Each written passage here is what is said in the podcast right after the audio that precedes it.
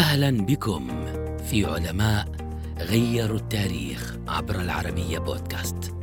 علم من أعلام الرياضيات يرجع إليه الفضل في تعريف الغرب والعالم بالكسور العشرية. أحمد بن إبراهيم الدمشقي المكنى بأبو الحسن عالم بالحساب والرياضيات.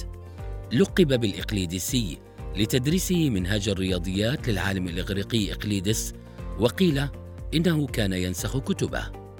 لم يعرف تاريخ ميلاده على وجه الدقة فيما أشارت مراجع تاريخية إلى أنه عاش في دمشق وتنقل بين مدن أخرى خلال القرن التاسع الميلادي. درس الرياضيات في دمشق وبغداد وتبحر في علوم الحساب متبنيا طريقة منظمة في دراسة وتحليل تلك العلوم.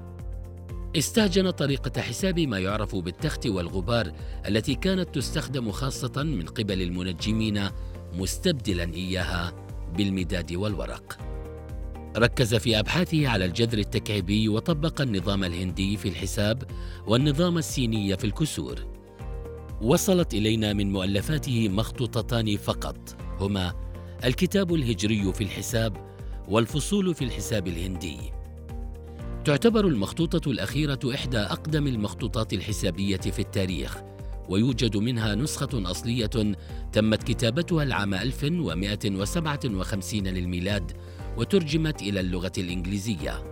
ولعل من أبرز سمات مخطوطه الفصول في الحساب الهندي أنها أتت كإثبات على أن الإقليدسية قد سبق الغرب في اقتراح الكسور العشرية وتفسيرها. وجاء في الترجمة الإنجليزية للمخطوطة ما يلي إن أكثر فكرة تظهر في الكتاب وبشكل غير متوقع هي الكسور العشرية. فلقد استعمل الإقليدسي هذه الكسور بشكل واضح ومباشر فكان هو من تحدث عنها قبل غياث الدين الكاشي بقرابة 500 عام وهو أول عالم رياضي مسلم تحدث عنها. ترجح وفاته في عام 953 ميلادية. تاركا وراءه مخطوطة تعتبر إرثا حضاريا بامتياز ونشان فخر يضاف إلى الحضارة العربية الإسلامية.